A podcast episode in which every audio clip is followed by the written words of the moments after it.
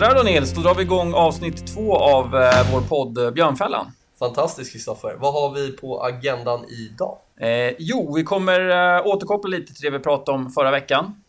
När vi pratade om eh, det här med oljepriset och eh, de nivåerna, alltså break-even nivåerna som de stora oljeproducerande länderna har, som ligger väldigt mycket högre eh, än aktuellt oljepris. Och hur de gör för att kompensera för det här. Så då kommer vi återkoppla till, ha lite data på det. Eh, vi kommer återkoppla också till den, här, den psykologiska aspekten som vi var inne på förra veckan med eh, varför det är svårt med en buy and hold-strategi till exempel. Just det. Sen kommer vi prata om eh, skuldsättningen i Kina. Och framförallt skuldsättningen på bolagssidan där. Eh, lite alarmerande skulle man väl kunna konstatera.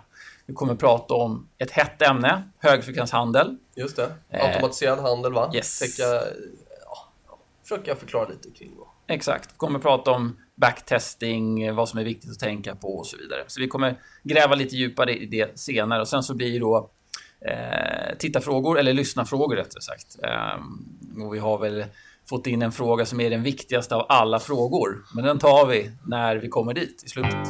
Men vi drar väl igång. Det tycker jag. Då börjar vi som sagt med oljebiten. Eh, och förra veckan pratade vi om break-even-nivåerna som sagt för de stora ol oljeproducerande länderna. Eh, vi hade Ryssland som ligger på ett pris på 105. Eh, Saudiarabien ligger pris också runt 105. Iran ligger runt 87 och så vidare. Eh, och det här var ju break-even-nivåerna som jag nämnde nu. Och oljepriset som ni vet är extremt mycket lägre. Och det har ju spekulerats och pratats om att en del av liksom oron eller trycket på den nedsidan på aktiemarknaden beror på att de här länderna behöver sälja av obligationer, de behöver sälja av aktier och andra typer av tillgångar för att finansiera underskotten som uppstår. Eh, jag har lite data från eh, JP Morgan. Förra året, de hade räknat med ett, jag tror att man, snittpriset var 53 dollar per fat. Eh, då uppstod ett underskott mellan de här länderna. Det är inte bara Ryssland, Saudi och så vidare som jag nämner, utan man uppstod ett underskott där på 70 miljarder dollar eh, som en följd av eh, det låga oljepriset. Och det behövde man ju då kompensera genom att som sagt sälja ut obligationer och så vidare. Vad som är intressant är att under 2016 Mm. så har de räknat med ett pris på 31 dollar i snitt. Eh, vilket gör att underskottet blir ännu större. Där räknar man med ungefär 260 miljarder eh, för de här länderna på grund av det låga oljepriset. Då. Eh, vilket gör att obligationsdelen behöver ökas till, eh, jag tror att det var 110 miljarder ungefär. Vi pratar dollar nu. Mm. Aktiedelen behöver öka från 10 eh, till eh, 75 miljarder dollar för att täcka upp det här. Det är det man har beräknat. Det som är intressant där är att 2015, ska försöka få det här tydligt, så köptes retailplacerare, eller köp, i aktiefonder köpte privatpersoner kan man säga globalt Mm. eh, för 375 miljarder dollar. 2016, där man räknar med att de kommer behöva sälja ut aktier för 75 miljarder dollar för att kunna täcka upp underskotten, så är det beräknade inflödet i aktiefonder ungefär, eller man räknar på max 200 miljarder dollar. Vilket gör att om man inte kommer upp till maxtaket som de räknar med så Mm. kan de här 75 miljarderna som då man räknar med ska ut på marknaden för att täcka underskottet kommer kunna få en ganska, det är ganska stor andel av det inflödet som vi har i fonder som ändå ska ut bara för att de här länderna ska kunna täcka underskotten. Absolut. Eh, Vad händer då om det blir ett ännu större utflöde från retail-sidan till exempel? Ja, men då kanske det blir liksom ett, ska vi säga, ett underskott i inflödet till aktiefonder. Eh, så det där ska man hålla lite koll på. Sen så kan man ju resonera kring, är 31 dollar per fat ett korrekt genomsnittspris under 2016? Det har jag ingen aning om. Eh, men det är ändå intressant att det, det krävs ganska stora volymer ut på den finansiella marknaden för att de här länderna ska kunna balansera upp det de förlorar på det låg, enormt låga oljepriset. Det, det låter ju som, kanske absolut inte hela förklaringen, men det låter i alla fall som att det, har en stor, det är en stor anledning till att oljepriset och börserna korrelerar extremt mycket nu. Absolut. Sen så är det väldigt mycket politiskt där också. Men det är klart, alltså, de här länderna förlorar ju enorma summor på det låga oljepriset. Så att de gör ju... Ingen skulle ju vara gladare än dem om det tar fart igen. Nu, Norge har ju varit ute flera gånger och sagt att de får enorma problem på grund av det låga oljepriset. Ryssland ska man inte ens prata om. Mm. Deras BNP-tillväxt kommer bli bara på grund av det låga oljepriset. Så att eh, olja kommer fortsatt vara en väldigt intressant tillgång att ställa i relation till börsens rörelse framgent. Är ni intresserade av nivåer så kör vi ju även eh, lite marknadsuppdatering där vi går igenom olika pristillgångar och oljan har vi pratat lite om där. Absolut. tror vi faktiskt lyckades identifiera den här i alla fall kortsiktiga botten som skedde runt 27 då. Mm. Eh, och eh, vi nämnde väl en nivå där om 35 dollar och där är vi faktiskt nu och håller på och konsoliderar. Precis. Um, så att eh, ja, är man intresserad och, och kanske vill ta lite bets och sådär och kolla nivåer så, så ta, gärna, ta gärna en titt där. Det kommer ut en gång, måndagar kommer ut en gång i veckan. Just det. Och det är ju, det är ju så att även fast vi har en kraftigt definierad nedåttrend så när oljan är på alla släppar och något man pratar om så, så blir det mycket volatilitet och mm. det sker stora kast upp och ner där och mm. finns absolut möjlighet till bra intjäning om man, ja, ja. om man lyckas träffa rätt. Absolut, men det är som sagt volatiliteten i den är ju väldigt intressant mm, den senaste tiden. Eh, det var det om oljan. Eh, tänkte jag, vi kopplar, återkopplar också till den här, eh, vi pratade i förra veckan om problemet som investerare har med att vara en buy and hold-investerare. Jag nämnde där en strategi om att liksom, bara en enkel medelvärdestrategi, man går till cash så fort indexet tar sig under 10 månaders medelvärde så skickar man in allting i cash. Man hade fått lite sämre avkastning, men eh, de maximala, alltså de största nedgångarna, alltså drawdownen i den strategin är en tredjedel av en buy and hold-strategi. Det som är påtagligt, framförallt när det gäller aktiv handel, men också då så, så många har svårt för, det är ju den psykologiska aspekten. Just det. Jag skulle säga att det är väl den absolut svåraste ja. eh, biten att ja. kunna hantera. Den är ju det är inte bara den psykologiska aspekten ur ett negativt perspektiv, utan den kan även lura en, man ska säga, ur ett positivt perspektiv. Och med det menar jag att jag läste en undersökning där man hade jämfört resultatet för en fonds utveckling mm. med inflödet och utflödet ur fonden. Eller olika fondkategorier. Eh, och det man kom fram till var att de fonderna som har störst inflöde är de fonderna som nästkommande period performar sämst. Just för att investerare söker sig alltid, eller inte alltid, men generellt till det som är hett. Just. Har någonting gått väldigt bra, men då ska man in där. Men oftast kanske det, ja men då, då är det för sent. För mm. att en strategi funkar ju inte hela tiden i alla väder, utan den har nedgångar. Och det där skulle jag säga, det är inget som bara drabbar privata investerare, utan jag skulle säga att det är ett minst lika stort problem när det gäller institutionella investerare. Mm. Eh, vi kommer ju prata lite mer om automatiserade strategier sen. Och, eh, där, där är det verkligen så att de strategier, den typen av strategier som har gått bäst de senaste åren, de tenderar att få in absolut mest pengar. Mm. Eh, och, och, och, de strategier som har gått lite sämre, ja, där, där, sker, där sker mer i uttag. Då. Så effekten blir att man investerar på toppen i de här typerna av strategier. Och i en automatiserad strategi så vill man ju snarare, om man tror på den, investera i den djupaste drawdown. Mm. Um, så att ja, det, det, det, det, är ett, uh, det är ett problem som, som skulle jag säga genomsyrar alla typer av investerare, om man är privat eller institutionella. Det tror jag också. Det kan ha att göra lite eller det påverkar ju också de som kanske förvaltar, nu är ju kanske vi mer inriktade på aktiva hållet, men de som förvaltar fonder på lite längre sikt vill ju inte, alltså man vill avvika från index åt det positiva hållet, men man är ju väldigt rädd ur företagets synpunkt och sin egen anställnings synpunkt att avvika för mycket åt det negativa hållet för att då vet man att det betyder stora utflöden från då retail men även institutioner som plockar hem pengar för att den här fonden just för tillfället performar dåligt. Men performar man lika dåligt som index då är det fine. Just det.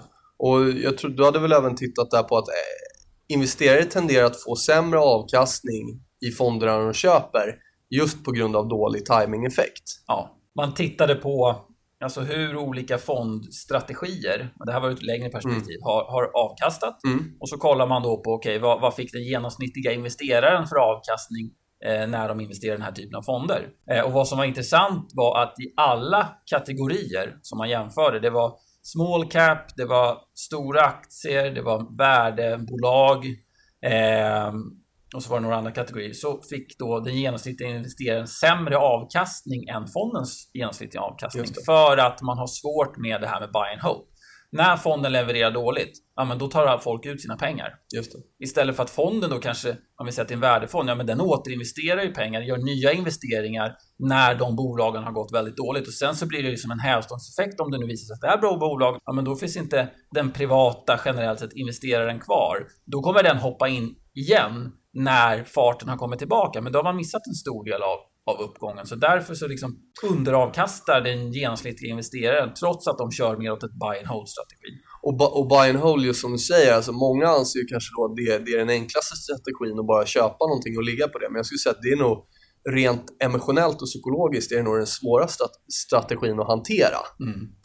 För det kräver att man inte säljer av när det ser ut, när det ja, ser som mörkast ut, eller som, som jobbigast ut. Och Warren Buffett som de flesta känner till eh, och är man en ja, buy and hold eller en värdeinvesterare så framhålls han ju väldigt ofta som ett, eh, ja, kanske världens bästa investerare. Då. Mm. Det man glömmer med Warren Buffett är att han är säkerligen en fantastisk analytiker och så vidare och har koll på sina nyckeltal och så. Men det är inte där, det är inte det som skiljer honom eller som ger honom edgen. Hans edge är att han har hållit fast vid sin strategi och kunna ta de här djupa drawdownsen på 50-60%. Det är svårt för väldigt många att göra det. Mm. Eh, så jag skulle säga att största delen, nyckeln till hans framgång, det är att han har varit otroligt duktig på att följa sin plan. Mm.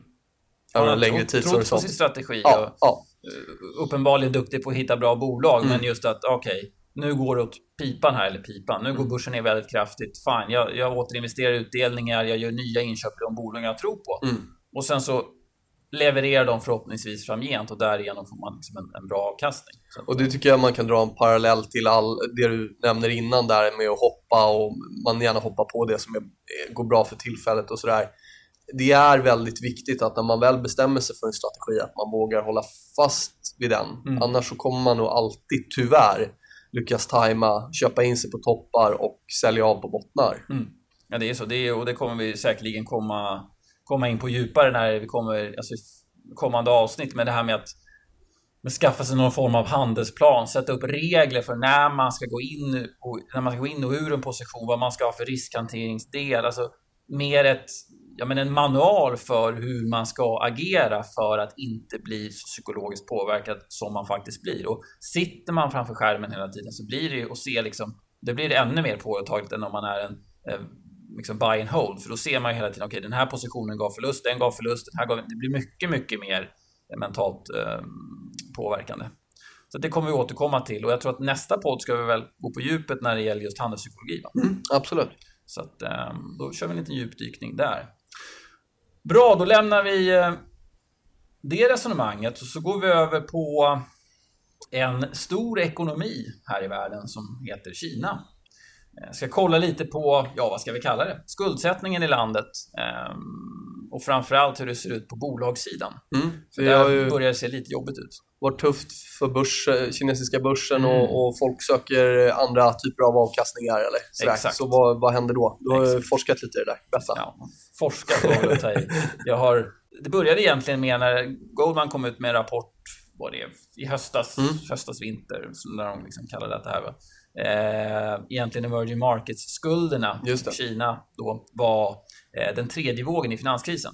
Om man kollar lite på utvecklingen i Kina när det gäller skuldsidan så 2007 så hade man en eh, skuldrelation till BNP på 158% 2015 eh, så ligger den strax över 280% Så den har växt väldigt kraftigt. Sen så 280% är väldigt mycket, men det är ju inte det är inte helt, helt galet. Däremot så är det som så att om man ställer den i relation till hur tillväxtkurvan ser ut så ser det lite jobbigt ut för att Kina har ju haft en avtagande tillväxt under flera år nu känns det som. Mm. Eh, och avtagande tillväxt i, tillsammans med ökad skuldsättning brukar inte vara en jättebra kombination.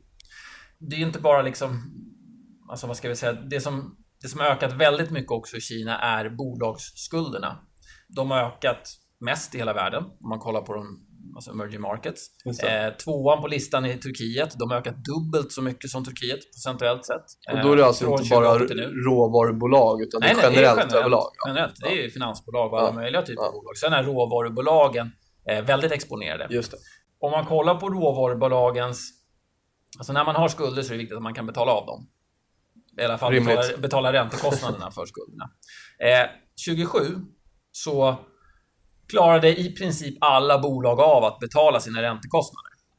Nu är det här siffror från 2014 tror jag. Men 2014 så var det över 50% av de eh, råvarubolagen som hade skulder. Alltså skuld, kostnaden för skulderna var dubbelt så stora som vinsterna som bolaget genererade. Alltså över hälften av bolagen hade dubbelt så stora räntekostnader som vinster. Mm. Ja, det, är ju, det är ingen bra Nej, det är ingen bra kombination. Ja. Hur, vad händer nu när alla, alltså, oljepriset och så vidare fortsätter neråt? Ja, de tjänar väl kanske inte mer pengar. Eh, och när tillväxten i, i, landet går ner också. Så, nej, mm. eh, lite tufft. Eh, bolagsskulderna generellt i eh, emerging markets har ökat. Det som är intressant där är att de ökar i dollar. Vad händer nu har ju Fed gjort sin första räntehöjning. Just det. Eh, sen så kanske det inte är så att den accelererar här under 2016 med tanke på hur det ser ut just nu. Men man har ingen aning. Det kan ju ändras fort med tanke på liksom, om klimatet förändras. Men vad händer med de skulderna när Fed börjar höja på allvar? Just det. De här länderna kan ju inte kontrollera skuldkostnaden i relation till sin valuta eftersom den är ju i en annan valuta. Då är det Fed som styr deras räntekostnader för de skulderna. Eh, och Fed kommer ju inte sänka förmodligen, utan räntekostnaderna kommer förmodligen öka.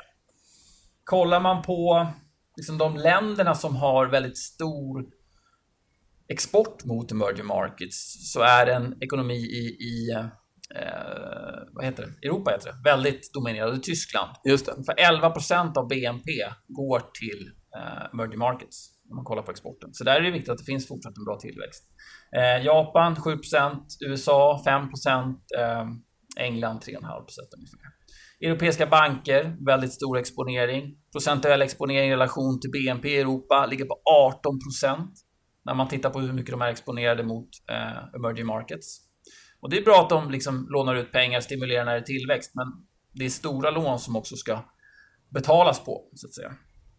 Men då kommer vi till det som, som på senare tid har blossat upp som en liten oro och det är företagsobligationsmarknaden i Kina. Just det. Eh, jag såg en bild på, det var, jag tror att det var Danske Market som, som la upp den här förra veckan.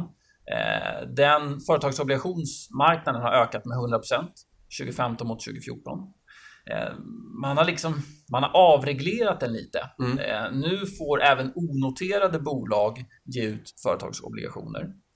Bolag som tidigare så hade man kanske lite strängare alltså regler kring det, men bolag som är AAA-ratade har inte alls samma krav på sig för att få notera sina obligationer eller för att få ge ut obligationer. Det är i princip att de bara glider igenom systemet. Mm. Eh, AAA-ratade obligationer. Och, Sämre transparens då alltså? Ja, det blir ja. det ju. Och sen är frågan, okej, okay, är en, en AAA-ratad obligation, företagsobligation i Kina är det samma som en AAA-ratad i Tyskland eller USA? Antagligen inte va? Jag, jag, vet inte om, om bolagen är genomlysta på, på exakt samma sätt där vad som skedde i Kina eh, tidigare var att det, det belånades upp väldigt mycket i bolagen via bankerna. Och då var det de här skuggbankssystemen som, som var en stor oro. Men nu har man ju reglerat det. Vad man har sett, det är att de bolagen, mycket infrastrukturprojekt och sådana här saker, har gått från, eftersom massa stopp, mm. de lånar via skuggbankerna. Eh, stopp där, så har de gått över på företagsobligationssidan och börjar ge ut väldigt mycket företagsobligationer den typen av bolag. Man har även eh, hållit på och lekt lite med de där företagsobligationerna och gjort lite belånade produkter och sådär. Exakt. Typ liknande strukturerade produkter som man Exakt. stött på här hemma. Nästa del i det hela ja. eh, är att vad man gör med de här företagsobligationerna mm. kan man, de kan man lösa in mot kortfristiga lån. De kortfristiga lånen använder man för att köpa företagsobligationer. Vad gör man med den företagsobligationen? Den löser man in och får ett lån. Vad gör man med det lånet? Man köper företagsobligationer. Så liksom man ja, girar upp företagsobligationsprodukten och jag har läst tal på att man gör tio gånger i vissa fall. Mm. Det här är ju inga...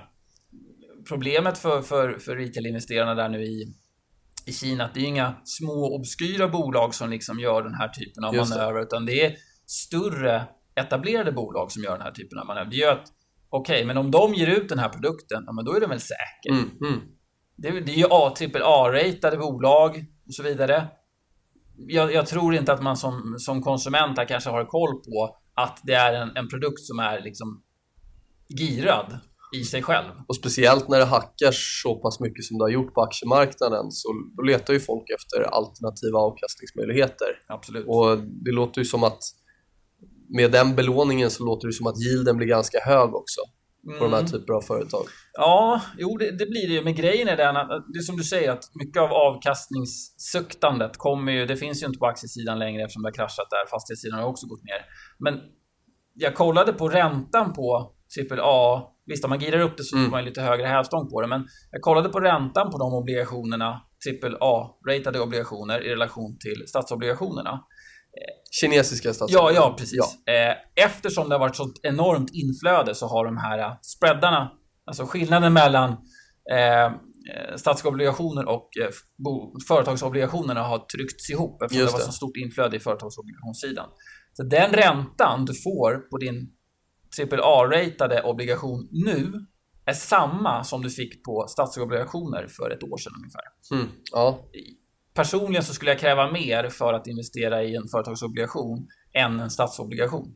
Ja, det, ja, det är klart att det, det beror ju på vilket, vilket, land man jämför med och vilken aktie ja, såklart. Apple och sådär. Men, men eh, i det här fallet, om vi ställer kinesisk statsobligation mot ja, då en AAA-ratad företagsobligation som då per definition inte har samma transparens i och med att den är AAA-ratad. Mm. Mm. Jag vet att det känns som att det har gått lite väl fort där. Och mm. Jag såg någon siffra på att 60% av alla nya produkter mot retail är produkter som har någon form av koppling till alltså, debt-sidan i, i bolag och andra typer av, av strukturer. Och det är 60% det är väldigt stor andel av alla nya produkter mot retail-investerare som har den, liksom, mm. inte just fokus mot företagsobligationer, men debt-sidan. Så, så att det där ska man hålla koll på. Företagsobligationsmarknaden i, i, eh, i Kina, den är extremt stor. Och eh, ja, man får lite såna här vibbar till eh, ja, men finanskrisen när man paketerade, för er som har sett Big Short vet vad vi pratar om, det fanns ju en fantastisk scen där de har någon sån här, vad kallas det här spelet när man bygger på höjden? jag vet inte vad det kallas heller, Nej, men, men du, jag vet vad du menar. menar. Ja. Där de visade på hur de paketerar om de här ja, skit... Vad ska vi kalla det? Skittillgångarna till att se ut som att det är fantastiskt stabila tillgångar. Det var det om Kina. Nu ska vi kanske prata om lite roligare saker. Lite mer generella saker, inte bara oro. Ska vi prata om eh, högfrekvenshandel, vi ska prata om backtesting, automatiserad handel. Just det. Eh, vi kan väl inleda med eh, en liten ett litet ljudklipp. En trudelutt. en trudelutt. Kan jag förklara vad det är för någonting i efterhand. Are trading here now, guys. 91 evens are trading. 89s are trading. 88 halves are trading. 87 evens are trading. 86 evens are trading. 85 evens are trading here now, guys, all the way down. 84 evens are trading here now, guys. 82 evens are trading. Paper comes in a big seller. 81 evens are trading here now. There's 79s are trading. You got 79s trading here now once again. 78s are trading. Sixes are trading. 76 evens are trading here now guys. 75 evens are... Ja, då kanske ni undrade, eller undrar lite vad det där var för någonting. en galen amerikan. Eh, det var från, eh, de har ju såna här prisutropare på eh, golvet på, på börsen. Och det där var han som eh, ropade ut priserna på S&P-terminen. Just det, E-minen tror jag specifikt ja, jag tror det var det. Och det här var under då flash-crashen som var 2010. Det här klippet, det är liksom en bit in i det. det ja, han, har, han har varit igång ett tag innan där, men han hade nog en ganska stressig dag på jobbet. Jag tror eh, rent sådär, storleken på nedgången och sen uppgången, den är väl, har väl egentligen aldrig eh, setts tidigare? Va? Nej, det var inte väl en... i den tidsspannet. Nej, nej. Eh, så det var ju helt galet. Eh, och anledningen till att vi, eh, vi spelade upp den där var för att många förknippar, vi ska prata om högfrekvenshandel och algoritmhandel och sådana saker nu. Och många förknippar just hög, eller automatiserade system med den här händelsen. Att det var automatiserade systemen som, som skapade det här. Och det, till viss del är det väl så. De kanske triggade varandra, men sen var det ju folk tog ju, det här skedde ju inte på en sekund, utan det här pågick ju ett tag. Eh, det hör vi inte minst här, att han går ju bananas där. Men, eh, så det var ju även vanliga placerare som inte kör automatiserade strategier som liksom utnyttjade det här, för att det gick ju så kraftigt ner. Folk började köpa in sig, vissa aktier gick ner enormt mycket. Eh, så vi tänkte komma in på just den automatiserade biten just nu. Eh, och min eh, kära kollega Nils här har ju, innan du började jobba där Mm. på CMC så handlade du ju faktiskt professionellt med en automatiserad strategi. Du var ingen, eller ni var inga högfrekvenshandlare som gjorde tusen affärer per dag. Ja. Men ni hade en strategi som genererade mer strategier än vad kanske, eller mer affärer än vad gemene man utför per år. Ja, och, eh, absolut. Och det var väl först i form av prop tradingföretag, alltså att man handlar för egna pengar och sen eh, som svenskregistrerad hedgefond. Då. Mm. Och som du sa så var det då automatiserade strategier mot specifikt valutamarknaden Mm. och eh, vi handlade väl kan man säga på intradagbasis men absolut inte högfrekventa. Gjorde väl i snitt ungefär två trades om dagen. Mm.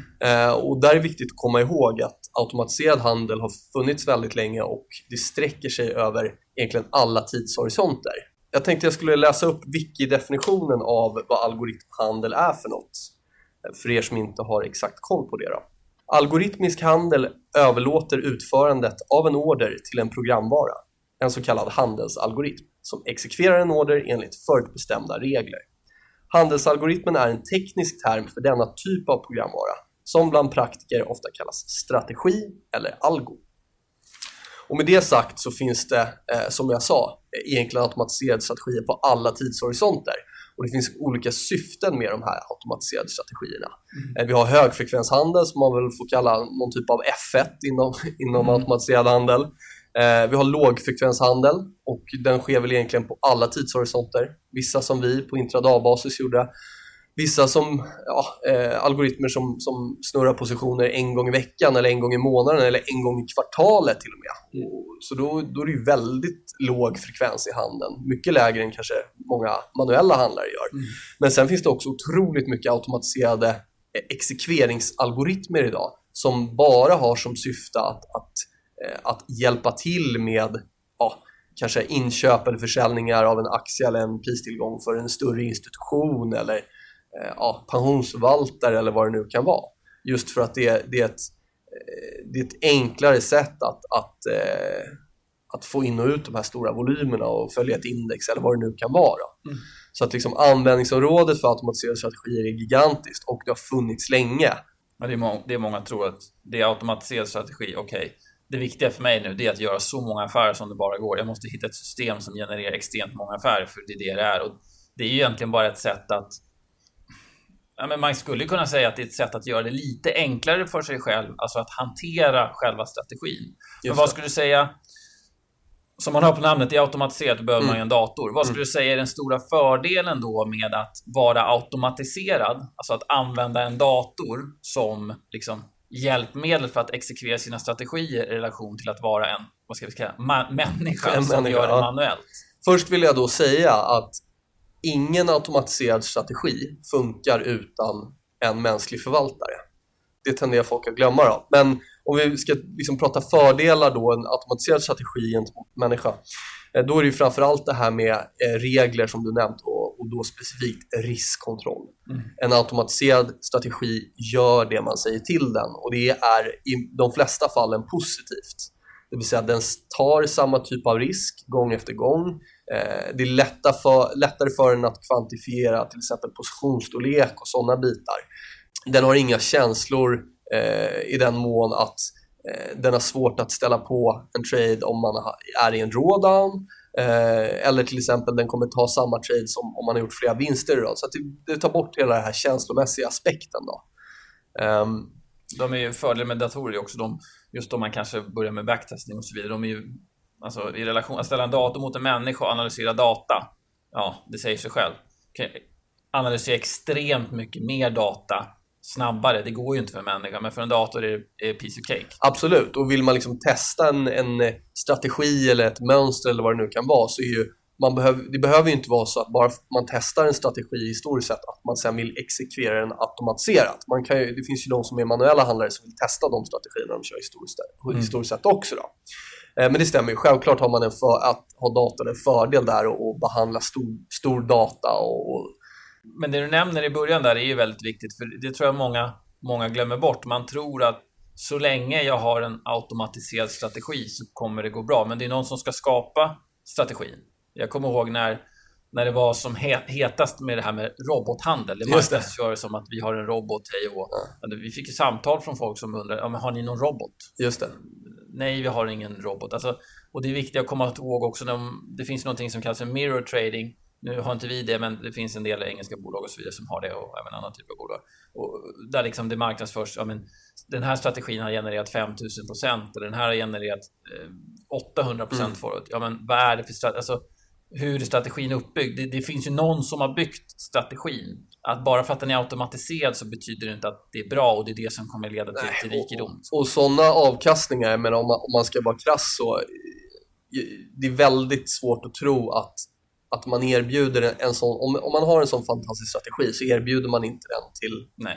andra investerare utan då, då hittar man egna investerare och, och kör och kör den så mycket det går. Då. Överoptimerat på något sätt. Och, och, och det är viktigt att tänka på att eh, en strategi, eh, och speciellt om man tittar på kortsiktigare strategier, nu pratar vi inte om högfrekvenshandel, men intradag eller, eller ju kortare strategin är, eller kortare tidshorisonten tittar på, desto mer ökar vikten av att kontinuerligt uppdatera modellen. Och om man funderar på hur, liksom, vad är det som skiljer att bygga en automatiserad strategi mot hur, hur jag tänker vanligt när jag handlar manuellt, ja, men det är inte så stor skillnad. Faktum är att eh, det är samma saker. Man har regler för entry, man har regler för exit. Eh, hur, vad är stopplossen? Vad är min maximala risk? Eh, hur stor position ska jag ta? När ska jag öka?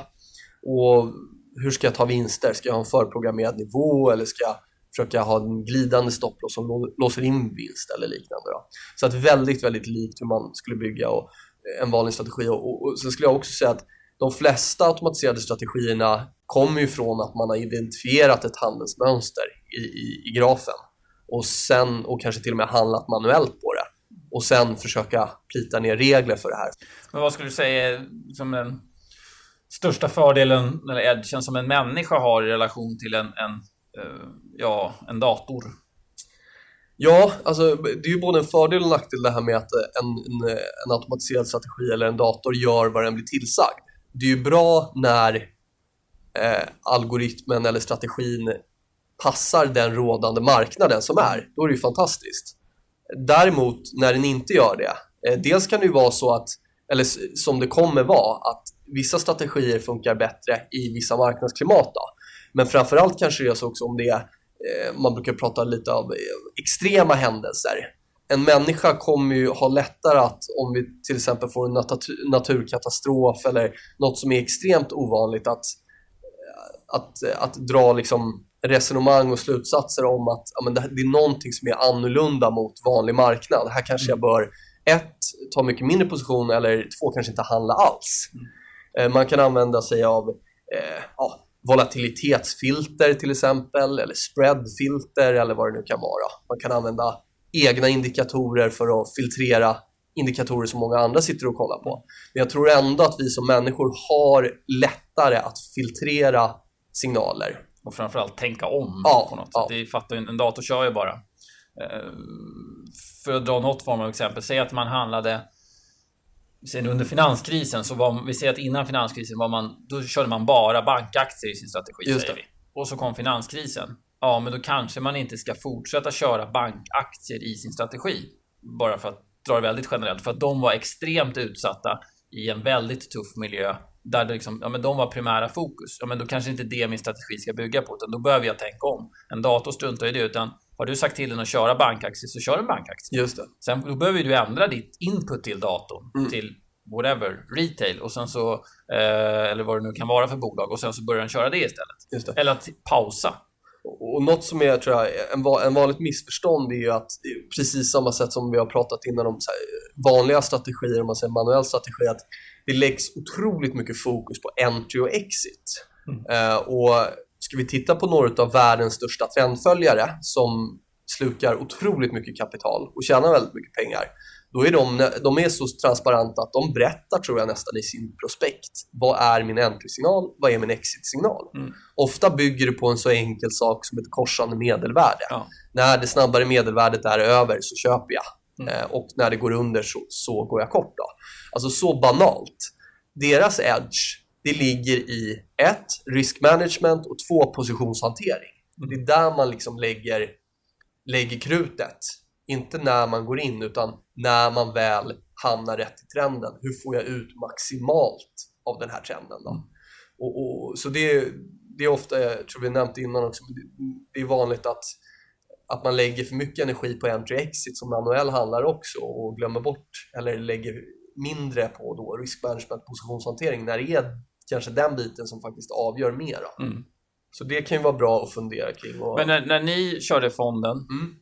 eh, hade, var det några tillfällen när ni valde att inte liksom låta er algo ligga aktiv? Alltså när, Ja. var det tillfällen när ni stängde av den så Ja. att säga? För Alltså, att det var för oroligt eller absolut. det blev något konstigt Mång, många säger att om man har en automatiserad strategi så är man helt automatiserad, man tummar aldrig på reglerna, den kör alltid och så vidare. Så vidare. Jag tror att det, det stämmer väl till viss del om man har extremt långa tidshorisonter, men handlar man på intradag som vi gjorde, eh, då finns det vissa marknadsklimat som inte, inte passar överhuvudtaget, eller volatiliteten gör att det helt liksom försvinner. Det, sänker vår edge eller vår sannolikhet att ha rätt så otroligt mycket. Och ett sånt fall kan vara eh, ett räntebesked till Mm. exempel. Sådana specifika händelser som är extrema och som, som kan påverka marknaden väldigt mycket. Och gör man, gör man ungefär 500 trades om året, då gör det inget att man stänger av ett par timmar eller en dag eller vad det nu är. Alltså risken att det händer något helt galet i en sån situation, den risken är betydligt värre än att jag missar en handelsdag Mm. eller ett par timmar. Eh, så att, eh, ja, man kanske i det fallet att vi kanske gjorde de här diskretionära avstängningarna kanske fem eller tio gånger per år. Mm. Att det de visar också ja. fördelen som en människa har att okej, kunna se liksom i det större perspektivet och sen nej, nu måste vi liksom stänga av systemet för att nu, finns det, nu är det för stor risk för att ett stort bakslag. Visst, Mm. det kan gå åt rätt håll, men vi anser att Mm, risken är mm. för stor. Och och där tycker jag man kan ta, men ta rapportperioden nu som exempel, eller ta eh, makrobesked. Mm. Vi som mänskliga handlare, hur värderar vi de här situationerna? Ja, vi kan få en bra, en bra vinst, men det kan också göra ett extremt hål i, i, vår, i vårt kontovärde om, om det inte hanteras rätt. Mm. Och, och jag menar, har man, kan man handla på rapporter och kan man handla på besked och så vidare och man har en historik av att det funkar, ja men kör på det. Men, men märker man att man sitter och gnetar i flera månader och sen så förlorar man stora delar av vinsten på de här kortsiktiga eh, volatila händelserna, då kanske man ska tänka lite likadant. Att men jag skär bort handen just de dagarna. Mm. För att risken av en stor drawdown i, i mitt kontovärde, den är större än att, att fånga den där ja, snabba vinsten. Då. Så. Du brukar, jag har för mig att du brukar säga att om vi kan ha sy- samma psyke, likadant psyke som en, en dator, men tänka som en människa så Mm. har vi en edge mot de automatiserade strategierna. Jo, men det tycker jag. Kan man hantera risk, riskhanteringen som, som en dator eh, och sen också ha, har de, just de, den edgen som vi har som människor och kunna lägga ihop flera, flera samband och flera indikatorer och just det här med filtrering och så. så eh, och sen så är det ju också så att det sker, det ser man ju, ta inte minst rapportperioden nu eller, eller överhuvudtaget marknaden de senaste veckorna ser, det är extremt stora rörelser. Mm. Eh, det blir väldigt stora rörelser. Och, och till viss del så har det absolut säkert med att göra att det är mycket automatiserad handel och, och eh, kan, vi som, kan vi som människor självklart jobba med riskkontroll och ha hela den biten på plats men kan vi, kan vi komma in och plocka delar av de här stora överdrivna rörelserna så, så finns det ju jättebra intjäningsmöjligheter. Då. Hur utvärderar man om eh, liksom, Många frågor, ju- det blir mycket frågor kring backtest när man pratar om automatiserad handel. Mm. Och jag har väl sett otroligt fina backtestkurvor, teoretiska kurvor som knappt har ett, ett, en enda drawdown. Men, men när man sen kör det live Mm. Så kanske har man inte bara ser... då. Ja, det ser i alla fall inte lika bra ut. Har du någon koll på backtesting eller? Jo, men det har jag väl lite koll har jag allt.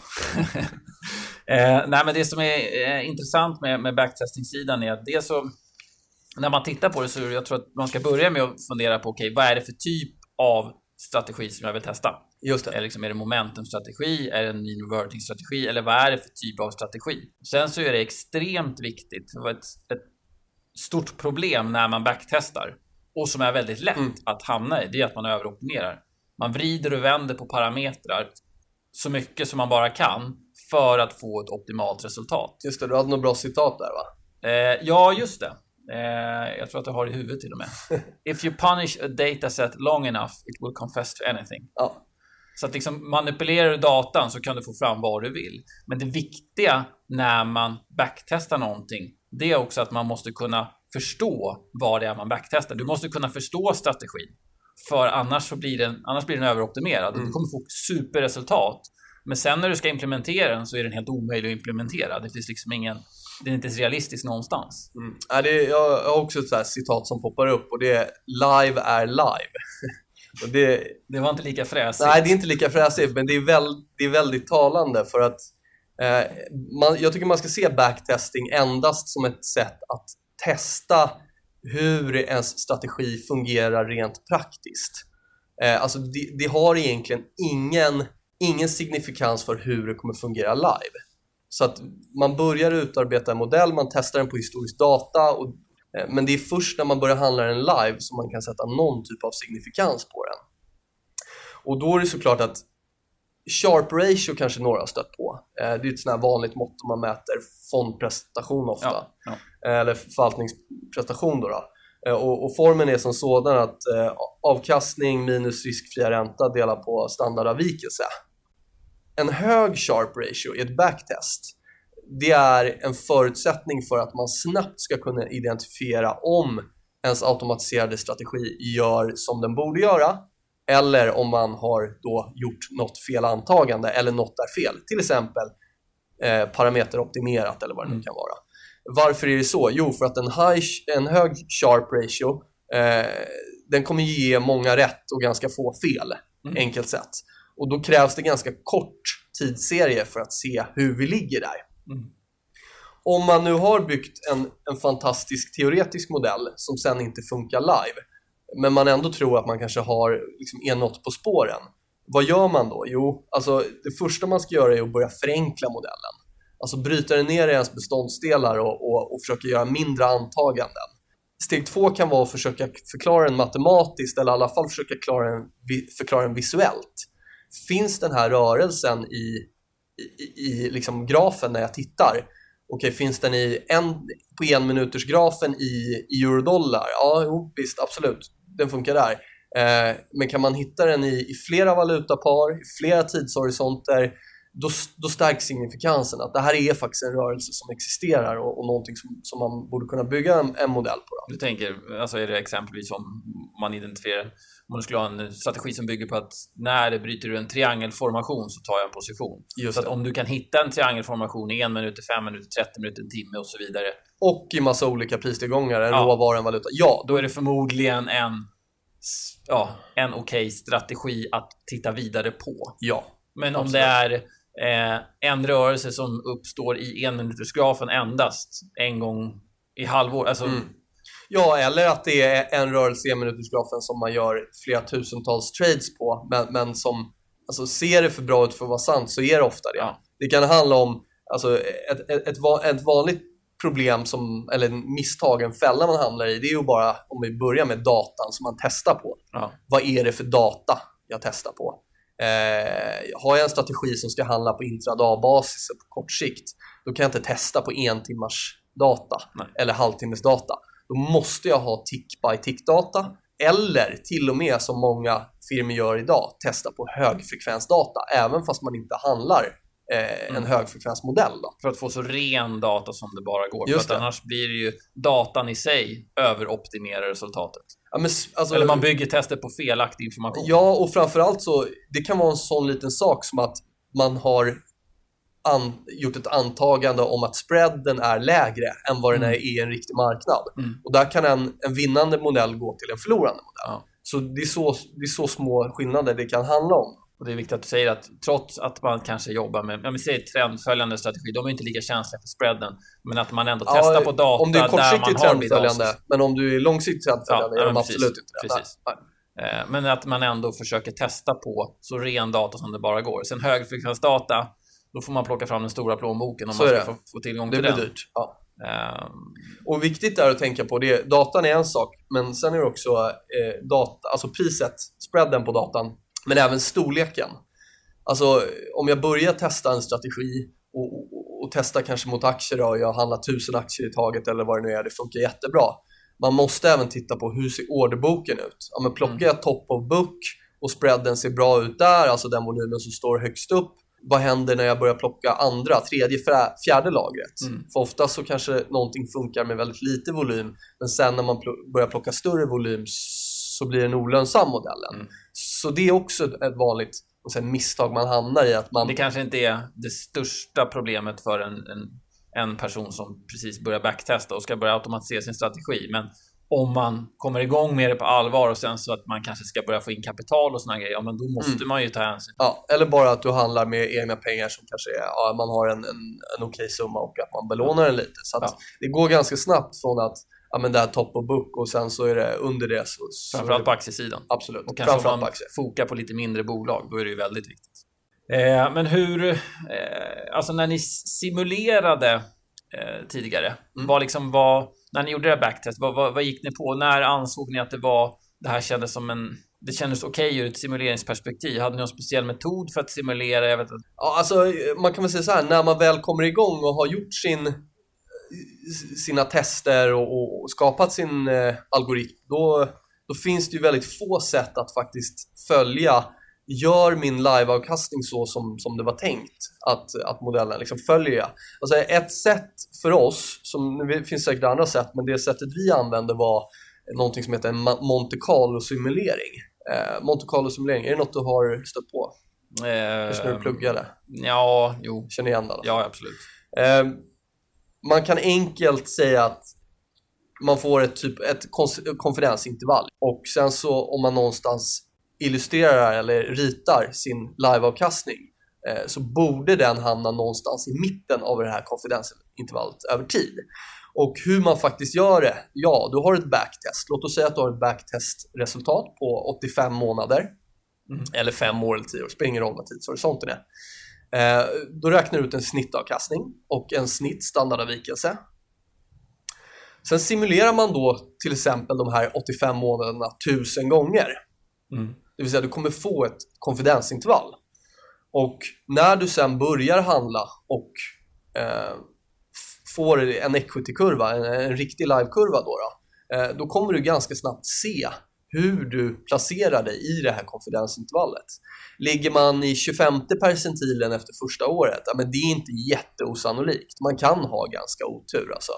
När du säger så, du menar att man ligger väldigt långt ner i Ja, men, väldigt, till snittet? ja, men 25% är ju inte egentligen Nej, det, är- det är ju inte jättelångt längst ner på, utan på kurvan, men... Eh, men, men, och ett år, det, det kan absolut hända. Mm. På samma sak som att man kan ligga liksom extremt ganska bra. mycket br- bra och då, då är det ett trevligare problem såklart. Men ser man att när man har en längre tidshorisont och speciellt om man har en strategi som gör ganska många, eller relativt många trades, eh, börjar man efter år två, år tre att man konstant ligger i de nedre delarna, men då är det med stor sannolikhet någonting som inte funkar eh, som man har tänkt sig. Då. Och det kan vara flera saker. Det kan vara det här med antaganden, eh, man har optimerat för hårt eller att något i marknaden har förändrats, volatiliteten har förändrats. Det kan vara massa olika saker, men det här, det här sättet är ett väldigt bra sätt att hela tiden hålla koll på men vad ligger vi? Och även då kanske mot investerare och liksom motivera, men, men vi ligger ändå här. Det, det ser rimligt ut enligt vår Monte Carlo-simulering. Då. Så att det, är, det är väl ett sätt att utvärdera om min avkastning live följer det som jag hade tänkt mig när jag testade fram Och modellen. då pratar du ändå alltså några år, några års utvärdering, alltså efter tre år Mm. så liksom, okej nu kanske vi ligger lite fel. Jag tror många tror att nej men en vecka, nej den här funkar inte under den här veckan. Nu måste jag göra om. Ja, det, det är ju... Det, det är klart att har man en högfrekvensstrategi som gör, eh, jag vet inte hur många tusen trades om dagen eller vad det nu är, ja men då, Då kanske det är så på en vecka. på. Ja. Men jag menar, om man är intradaghandlare och kanske gör ett par trades om dagen eller du behöver ju en längre tidsserie för att funka. Vi går tillbaka lite till det här med det här med institutionella investerare och när de investerar. Mm. Det var, jag tror att 2007 så, så var det många rubriker att ja, men, trendföljande CTAs, de är döda, det här kommer aldrig funka mer. Eh, den här typen av förvaltning är, är över. Mm. 2008, bästa året någonsin för trendföljande strategier. Eh, samma sak 2014 här. Eh, vi hade en, en historiskt låg eh, volatilitet i princip alla pristillgångar. Och även då började de här rubrikerna komma att men, det här med trendföljande systematisk handel, det funkar inte längre. Eh, blev det bästa året någonsin. Så, så det, det, liksom, det, kommer vara, det kommer vara perioder då en strategi funkar bättre och sämre. Både i manuell handel, både automatiserad handel. Och även investeringsinriktad. Det finns ju ingen strategi som alltid funkar. Så är det, absolut. Och, och, och, tyvärr så är det så att man tenderar, och då är vi tillbaka på den här psykologiska aspekten, att tyvärr så tenderar man att köpa in sig i strategier när de ligger på toppen. Och om vi då pratar om kvantitativa strategier, automatiserade strategier som vi har gjort nu, då bör man egentligen, om man tror på strategin, köpa in sig när den ligger så lågt som möjligt. Mm. Dels för att du har den bästa sannolikheten för att få bra avkastning, men sen bör du också slippa performance upp till high watermark. Mm. Det finns flera anledningar till det. Men det är ju svårt för en, sen institutioner om man är på den nivån. Mm. Okej, okay, den här strategin har performat jättebra x antal år, men i två år har den gått helt åt pipan. Okej, okay, nu ska vi sätta in massa pengar här. Mm. Mm. Alltså det blir ju, även för den professionella aktören så är det ju ett svårt beslut att ta. Absolut. För att det, det är fel. Det blir Absolut. liksom, det blir kortslutning i, i skallen. Eh, jag kikade lite på det, vi pratade om det här med överoptimering mm. och hur många tester man får göra och så vidare. Jag försöker hitta, fanns det liksom optimalt? Och det brukar alltid finnas folk som räknar fram olika saker och ting. Jag lyckades hitta en eh, rapport där man hade räknat fram hur många backtestförsök man får göra för att undvika risken, eller för att minimera rättare sagt, risken för överoptimering, det vill säga att man skruvar för mycket och sen får fram ett hittepå-resultat. Eh, och vad kom du fram till? Ja, det styrs av liksom, tidshorisonten, alltså den data man har Just det. bakåt i tiden. Jag kan bara ta ett exempel. Om man eh, kollar sex år tillbaka i tiden, så den här kurvan, den ser ut ungefär som den här kurvan, om ni känner igen optimalt antal aktier i en portfölj, det svänger väl över vid 15 eller något sånt där. Den ser ut som ungefär på det viset. 100 försök, mm. då behöver man minst 6 års data. Just det. Så att ju längre data man har, desto mer simuleringar kan man göra. Just det. Eh, kommer man upp så att man ligger strax över 10 år, ja men då kan man göra 1000 simuleringar utan att man ökar risken för överoptimering. Men har man ett års data, men då får man inte ens göra en simulering. Nej.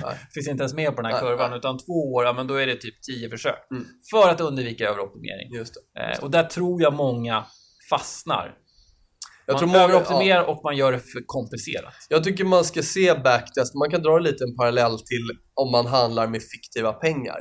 Det är ett sätt att testa sin strategi, men det man glömmer är att man kopplar bort en viktig, viktig del, den psykologiska aspekten när man handlar med låtsaspengar, men, men när det gäller då eh, automatiserad handel, man kopplar bort den riktiga marknaden. Ja. Ehm, så att det, Som du sa, live, live är live. Live är live. Ja. Var det något mer där?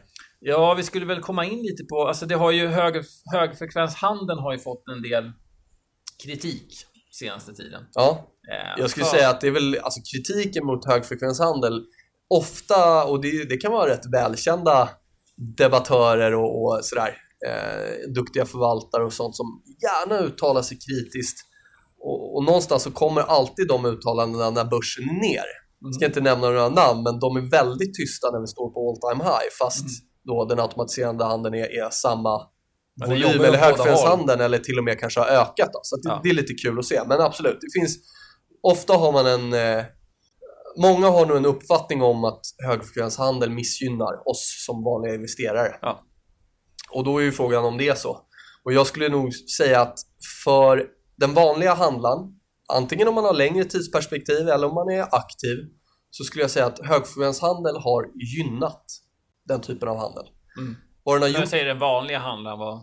Alltså, jag menar in, inte typ en... Retail-hållet, alltså inte en Ja, men både skulle jag säga, alltså inte en annan, eh, inte en annan market maker eller inte en annan eh, väldigt kortsiktig handel okay. eller ja, bankens eh, handel eller sådär, utan man bara tittar på kanske då eh, ja, man säger en vanlig handlare. Som det kan vara mig. ja, på lång sikt eller på lite kortare sikt. Ja. Vad högfrekvenshandel har gjort är ju att det har blivit billigare att handla. Mm. Det har ökat handeln, spreaden har gått ihop och därför så kan vi, som man kan göra idag, sitta och handla otroligt mycket produkter mot egentligen alla eh, tillgångar eh, till den låga spreaden som är idag. Mm. Så att jag, jag skulle nog säga att högfrekvenshandel har gynnat mer än att det har stjälpt. Sen är det klart att det är några som har förlorat på högfrekvenshandel, så är det alltid. Eh, några förlorar ju bankernas Mm. egna ha- handel. De har förlorat och det är klart att där skedde det en, en regeländring också för ett par år sedan som gjorde att eh, prop trading försvann mer och mer från, Mm. från bankerna.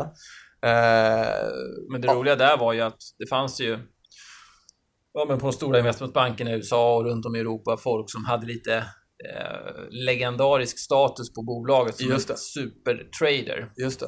Eh, vad händer när man ändrar regler? Ja, men jag är en supertrader, jag klarar mig själv. Kör egen låda. Ja, öppnar någon form av hedgefond eller någon egen handels... eh, Kanske använder sina Mm. egna pengar i någonting och så går det helt åt pipan.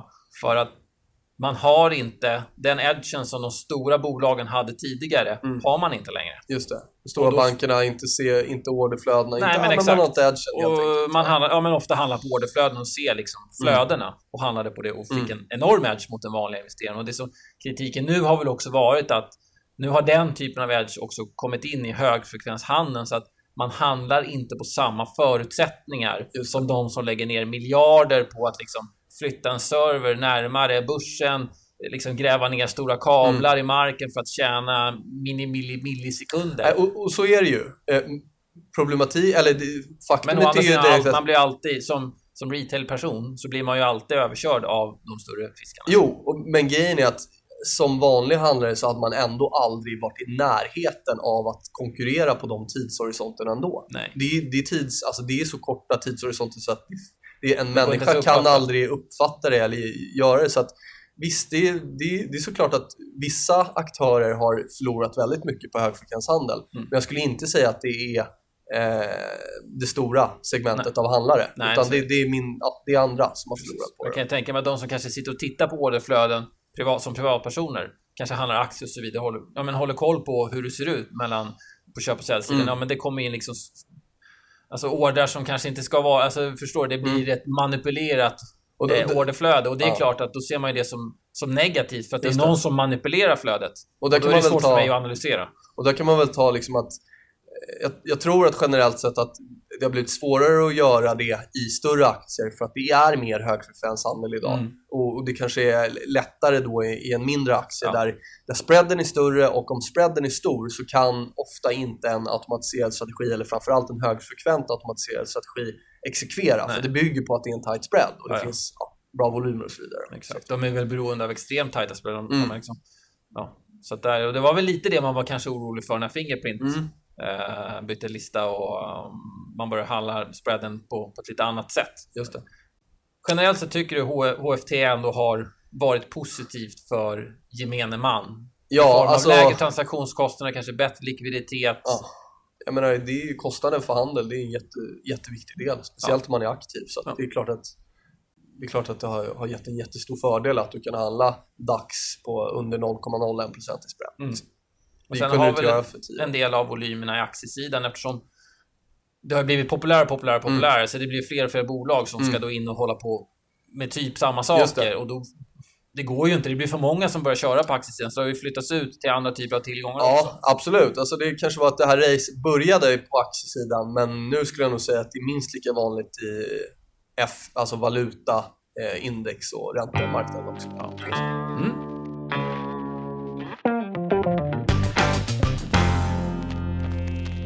Lyssnarfrågor, har vi fått Just in några det. sådana? Ja, precis. Eh, vi har fått det, jag sa ju det i början där, den viktigaste frågan av dem alla. Och den lyder som följer. Varför har ni döpt podden till Björnfällan? Ja.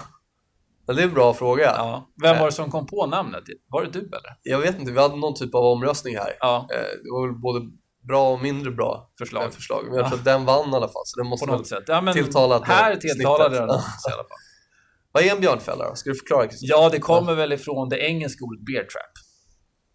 Vad ska man förklara på ett enkelt sätt? Säg att du har en, en rektangelformation, en väldigt tydlig sidledes rörelse. Och så bryter du ut på nedsidan. Kommer in massvis med säljare, sen av någon anledning så bryter du upp igen. Just det. En luring helt enkelt. En luring, en, En fint. luring på nedsidan. Ja, och det ja. finns ju bulltrap, det är en Just det. luring på uppsidan. Ja, så svårare än så är det inte egentligen. Nej, Nej. och ja, jag tycker ett bra namn. eh, yes, fråga två bland våra eh, lyssnarfrågor. Det här är också en väldigt vanlig fråga som dyker in. Många vill ju, många som, som är intresserade av placeringar och trading och så här, läser gärna böcker och artiklar och, det. så vidare.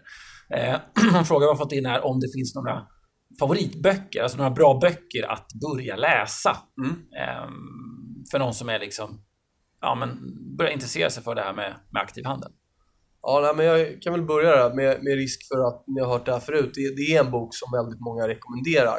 Eh, Market Wizards, eh, Jack Schwager. Och den har kommit ut i, i ja, någon gång på 90-talet. Mm. Och mycket, många tradinglegender som medverkar. Mm. Eh, man kan väl säga att det är väl egentligen väldigt många typer av traders och som handlar om olika tillgångslag och man får följa man får följa egentligen deras utveckling från Det är ett in- intervjuformat. Ja, intervjuformat, exakt. Mm.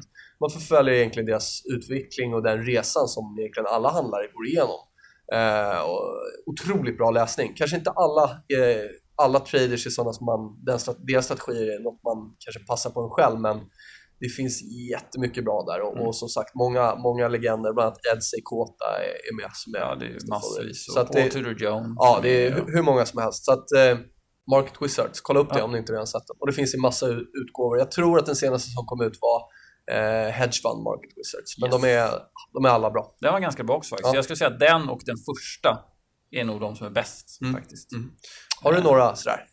Ja, alltså det finns ju, det är ju ofta man kommer tillbaka till klassiska böcker. Just. Eh, de som har hållit länge och det finns en som heter Reminiscences of a Stock Operator. The Trading Book kanske? Ja. Eh, Jesse Livermore, världens mest kända trendföljare. Ja, eh, och liksom hans liv och liksom vad som funkade och vad som inte funkade. Det var ju avslutades kanske lite tragiskt där, Ja. men det är faktiskt en riktigt bra bok. Och du ska säga så att det är en gammal bok? Jag vet inte om den finns på svenska i och för sig. Nej. Men då får man beta sig igenom den, det engelska språket. Förhoppningsvis upp, finns en uppdaterad version med lite modernare språk. Den är gammal, men den är, den är faktiskt väldigt bra. Och det som är häftigt är att väldigt mycket av det han pratar om det är Det är liksom aktuellt som, fortfarande. Ja, det är lika aktuellt Ja. idag som för hundra år sedan. Ja. Så det, är, det är rätt spännande. Eh, Och sen finns det en bok som har en i och för sig ganska lökig titel. Den heter Trade Your Way to Financial Freedom. Man börjar garva när man läser den. Eh, Skriven av Fantarp. Ja. Eh, Men det finns det ett avsnitt i den boken som handlar om risk och positionshantering. Som jag tycker är riktigt bra. Sen vet kanske man inte ska köpa en bok på grund av två kapitel, jag vet inte. Men det är, när jag läste den för många, många år sedan så liksom förändrade lite synen på det här med riskhantering. Som är en, som vi tjatar om jämt, Mm. sjukt viktig del i aktiv handel. Så den, de två kapitlen, riskhantering och positionshantering, skulle jag vilja slå ett slag för. Kanske finns på nätet, jag vet inte. Härligt. Ja, det var de frågorna. Eh, har ni några frågor ni vill ställa till oss? De flesta brukar komma in på mail, men ni får gärna eh, ställa dem på hashtaggen björnfällan på. Twitter. Och följer ni inte oss på Twitter så är det klart ni ska göra det, för där lägger vi upp mycket intressant. Men då tackar vi för oss Ja. för den här gången. Nästa avsnitt kommer komma ut om två veckor då. Ja. Det är fortsättningsvis också Soundcloud och iTunes som gäller. Japp. Och Eh. då kommer vi foka mycket på marknadspsykologi, eller handelspsykologi, som Ja. är svårt att hantera men extremt viktigt. Just det. Och är det några ämnen ni vill att vi tar upp, alltså inte lyssna frågor, men om det är något ämne, Mm. mejla kundservice.cncmarkets.se eller skriv det på hashtaggen björnfällan. Toppen, då säger vi så. Tack så mycket. Tack ska ni ha. Hej då.